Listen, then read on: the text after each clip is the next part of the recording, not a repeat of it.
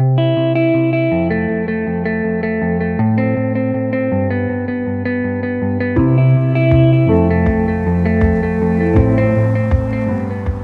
hallo, welkom bij een nieuwe aflevering van Endor met Wendy.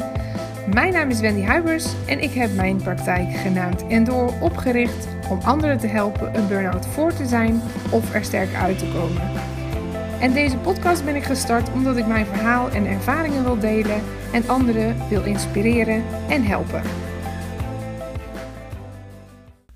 Goedemorgen. Gisteren heb ik de documentaire van Brené Brown gekeken. En ja, ik heb uh, een beetje mee zitten schrijven. het ging over moed en kwetsbaarheid, dat die samen gaan. En um, dat je moed nodig hebt om kwetsbaarheid te tonen. Dus dat je jezelf laat zien.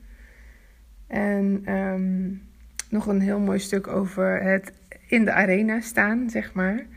En uh, ja, zo'n arena, net zoals in, uh, in uh, Italië, in Griekenland hebben. Um, waar je even langs krijgt, waar je dus gewoon bebloed op de grond ligt. En dat mensen die niet in die arena staan, dat, um, dat je dan niet geïnteresseerd hoeft te zijn in, het, in de feedback die ze hebben op je werk. Dat vond ik wel een hele sterke. En um, ja, ook over wat het, het, verhaal is wat je jezelf vertelt. Dus wat je, wat je brein je eigenlijk uh, ingeeft om jezelf te beschermen. Dus als er een pauze valt in een, in een gesprek. En um, ja, dat je eigenlijk een soort van invulling gaat geven aan de, de, het verloop van het gesprek, zoiets. Dat doen we allemaal, denk ik wel. En ja, nou goed, normaal heeft ze het ook heel veel over schaamte. Dat is, hier ging het voornamelijk over kwetsbaarheid en dankbaarheid tonen. En, maar dat stukje schaamte, daar wilde ik zelf eigenlijk nog even op ingaan. Um, ja, het, het, um, wat zij, wat Brené Brown ook doet, is kwetsbaarheid, schaamte en angst bespreekbaar maken. En um, ik wilde gewoon een stukje over mezelf daarin, daarin vertellen. Want als kind was ik een dromer. En ik denk dat ik ook wel een beetje quirky was, eigenlijk. Een beetje vreemd. Um, ik wist niet bijvoorbeeld dat ik mijn oksels moest scheren. Totdat een vriendinnetje me belachelijk maakte op het zwembad. Uh, omdat ik haar onder mijn oksels had. En ik was dan ook zo'n typetje die dan meteen op alle rare dingen ging letten als ik zoiets had gehoord. Dus ik was gewezen op okselhaar, dat dat geschoren moest worden. En ik heb geen idee hoe oud ik toen was, een jaar of acht of zo. En toen zag ik op een gegeven moment bij een vriendinnetje dat haar vader uh, van, die, van die zwarte haren uit zijn neus had komen. En uh, ja, nou goed, dan ging ik in de spiegel kijken om te zien of dat ik dat ook had. En als ik er een zag zitten, ook al zag je hem bijna niet, maar dan trok ik dat uit, want dat, uh, ja, dat kon echt niet. Dat, dat wilde ik niet. En op een gegeven moment zat ik een keer in, in Tilburg, zat ik op kamers en ik zat in de bus achter een vrouw. Met, en ze had echt super mooie lange donkere haren. En ik heb langer donker haar. Um, en bij haar zaten er dan flink wat grijze haren tussen. En dan besloot ik ook daar en dan op dat moment dat dat bij mij niet zou gebeuren. Dus um, ik wilde lange donkere haren behouden, maar ik wilde niet die grijze haren erin hebben zitten. Dus um, als ik een grijs haar zag zitten, dan ging het of verven en uh, als je door de verf heen zag komen, dan ging ze gewoon uittrekken. Ja, nou goed, dat is dus een, een, beetje, ja, een beetje mijn, mijn uh, gekke kronkels in mijn hoofd, zeg ik wel eens. En nu nog steeds, als ik een grijs haar zie, als in uitgroei, um, dan heb ik nog steeds de neiging om een pincet erbij te pakken en gewoon dat grijze haar uit te trekken. Nou ja, ik heb er nu zoveel dat het gewoon niet meer te doen is. Maar wat ik daarmee wil zeggen is dat ik als kind al leerde uh, wanneer ik me zou moeten schamen. En dat was met dat okselhaar. En ja, goed, um, ik, ik zag dat dan in dat neushaar. En ehm, bijvoorbeeld haren op je benen. Dat, dat op een gegeven moment was dat iets waar je je voor zou moeten schamen als je het had. En ook op eh, lichaamsbouw op een gegeven moment natuurlijk. En ja, nog veel meer natuurlijk. Er zijn veel meer dingen waar je je voor zou moeten schamen uh, toen je kind was. En, en dan werd het zelfs ook wel eens gezegd. Schaam je. Als je iets zei of als je iets was vergeten of weet ik veel. Uh, in ieder geval schaam je. Ja goed, ja, dan leer je dat vanzelf natuurlijk. En zoals jullie uh, misschien weten, ben ik sinds augustus 2017 in totaal nu 25 kilo afgevallen. Ik weeg nu 87 kilo. Maar 87 kilo, oh, dat, dat is overgewicht, toch? Uh, ja, volgens de BMI is 87 kilo overgewicht.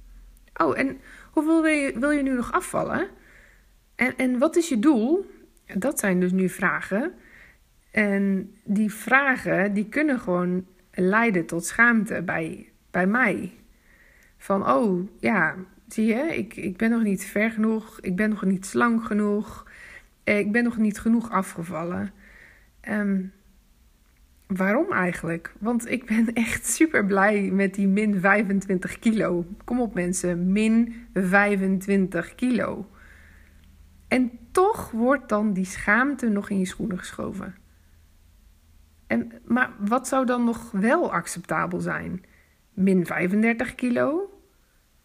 Nou ja, dan heb ik nog steeds geen gezond BMI. Dan weeg ik 77 kilo. En volgens mijn lengte zou ik uh, 72 of 73 moeten wegen. En, uh, en, en laat je dan ook iets aan dat hangbuikje doen? Dat is dan natuurlijk de volgende vraag. Want dan weeg je min 35 kilo en dan heb je een stuk vel overschot.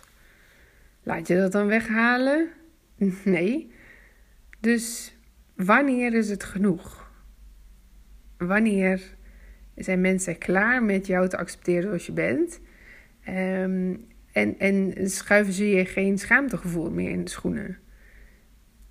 Ik denk dat dat uiteindelijk is dat er een moment moet zijn dat je tevreden bent met hoe je er zelf uitziet. Ik ben momenteel tevreden met hoe ik eruit zie. Ehm, misschien hoef ik zelfs niet meer af te vallen. In ieder geval niet om gelukkig te zijn. Ik ben namelijk gelukkig met de persoon die ik in de spiegel zie. Ik ben gelukkig dat ik nu weer wat drive heb gevonden om te willen sporten. Ja, en wat ik zei, ik ben gelukkig. En dat was dan een stukje over leefstijl, over afvallen. Maar zoals jullie mogelijk ook weten, heb ik een burn-out gehad. En dat is vanaf november 2017 tot oktober 2018 geweest. Um, en wat betreft de burn-out heb ik ook genoeg schaamte gevoeld. Want ik was namelijk een zwakkeling. En ik moest anderen het werk op laten knappen, wat ik heb laten liggen op dat moment. Ik moest mijn man tot last zijn, want hij moest veel meer doen uh, in huis en voor de kinderen. En ik durfde de deur niet uit. Wat als ik nou iemand tegen zou gekomen zijn um, die mij had aangesproken? En of die vroeg hoe het met me ging? Wat zou ik dan moeten zeggen?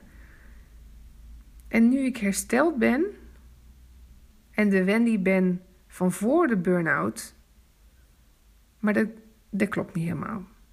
Ik moet eigenlijk zeggen, want ik ben niet de Wendy van voor de burn-out, maar nu ik de Wendy van voor de burn-out beter heb leren begrijpen, en nu ik beter begrijp hoe het zover mocht komen en wat dit voor een kans was om mijn lange gekoesterde droom na te jagen, nu wil ik mijn verhaal delen zonder schaamte.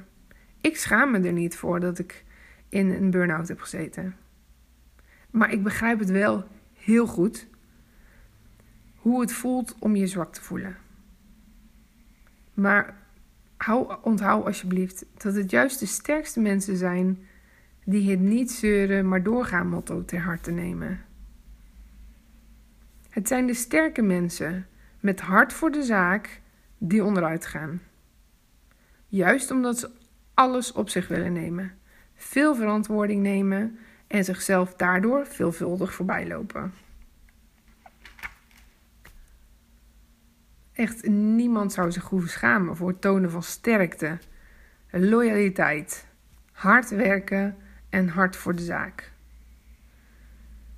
Dat is de reden waarom mensen zichzelf vergeten.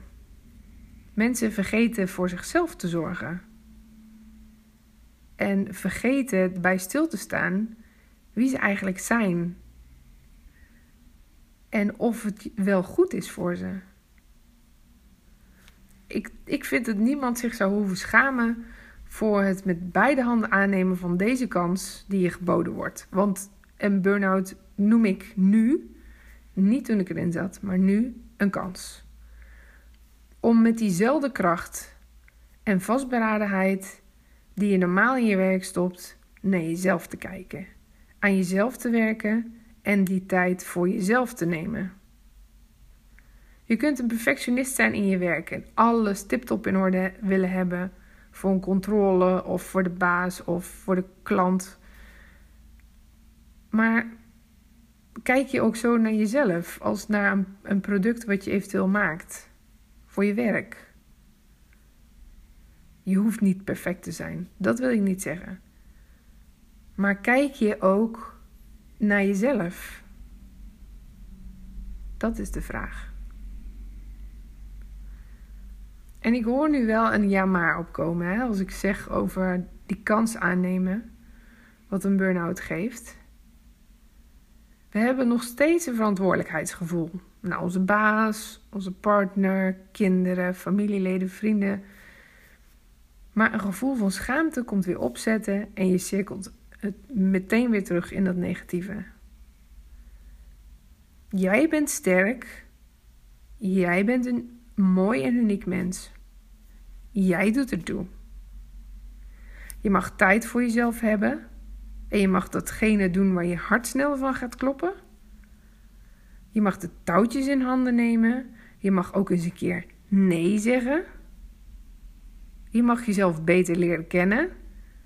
En je mag jezelf zijn. Maar schamen doen we ons allemaal. Voor uiterlijk, innerlijk, gekke trekjes, iets dat je zei wat misschien niet zo slim was. Het kan zoveel zijn. Maar alsjeblieft, kijk ook waar je nu staat. Wat je tot nu toe gedaan hebt. Waar ben je trots op? En wat geeft je een goed gevoel? Want jij mag trots zijn op jezelf. Dit wilde ik met jullie delen. En dit is wat er voortvloeide uit het kijken van de documentaire van Brené Brown. Het, het schaamtegevoel en het, de kwetsbaarheid en de angsten. Ja, ze vloeien zoveel samen. Um, als ik nou alleen heb over een burn-out, dan zijn er bepaalde angsten. Er zijn bepaalde um, schaamtegevoelens. En we vinden het moeilijk om onszelf kwetsbaar op te stellen. Uiteindelijk wordt het allemaal beter. Je kunt makkelijker je angsten onder ogen zien. Um, als je erover durft te praten, kun je ook je schaamtegevoelens verminderen. En als je je eindelijk kwetsbaar durft op te stellen, dan, ja, dan, dan word, je, word je er echt zelf beter van. Ik hoop dat jullie iets aan mijn woorden hebben gehad, aan mijn verhaal. En um, als je uh, graag een reactie wil geven, ik hoor het graag. Ben je het er mee eens of ben je het er niet mee eens? Laat het me weten. Ik wens jullie een hele fijne dag toe. En um, mogelijk tot de volgende keer. Dankjewel voor het luisteren naar deze aflevering van Endor met Wendy. Heb je vragen of wil je misschien meer weten? Kijk dan op mijn website www.n-door.nl. Je kunt altijd een Sparkle aanvragen, die is geheel gratis. En um, als je een review wil achterlaten, dan kun je dat hier onderaan doen. En zou ik zeggen, graag tot de volgende keer.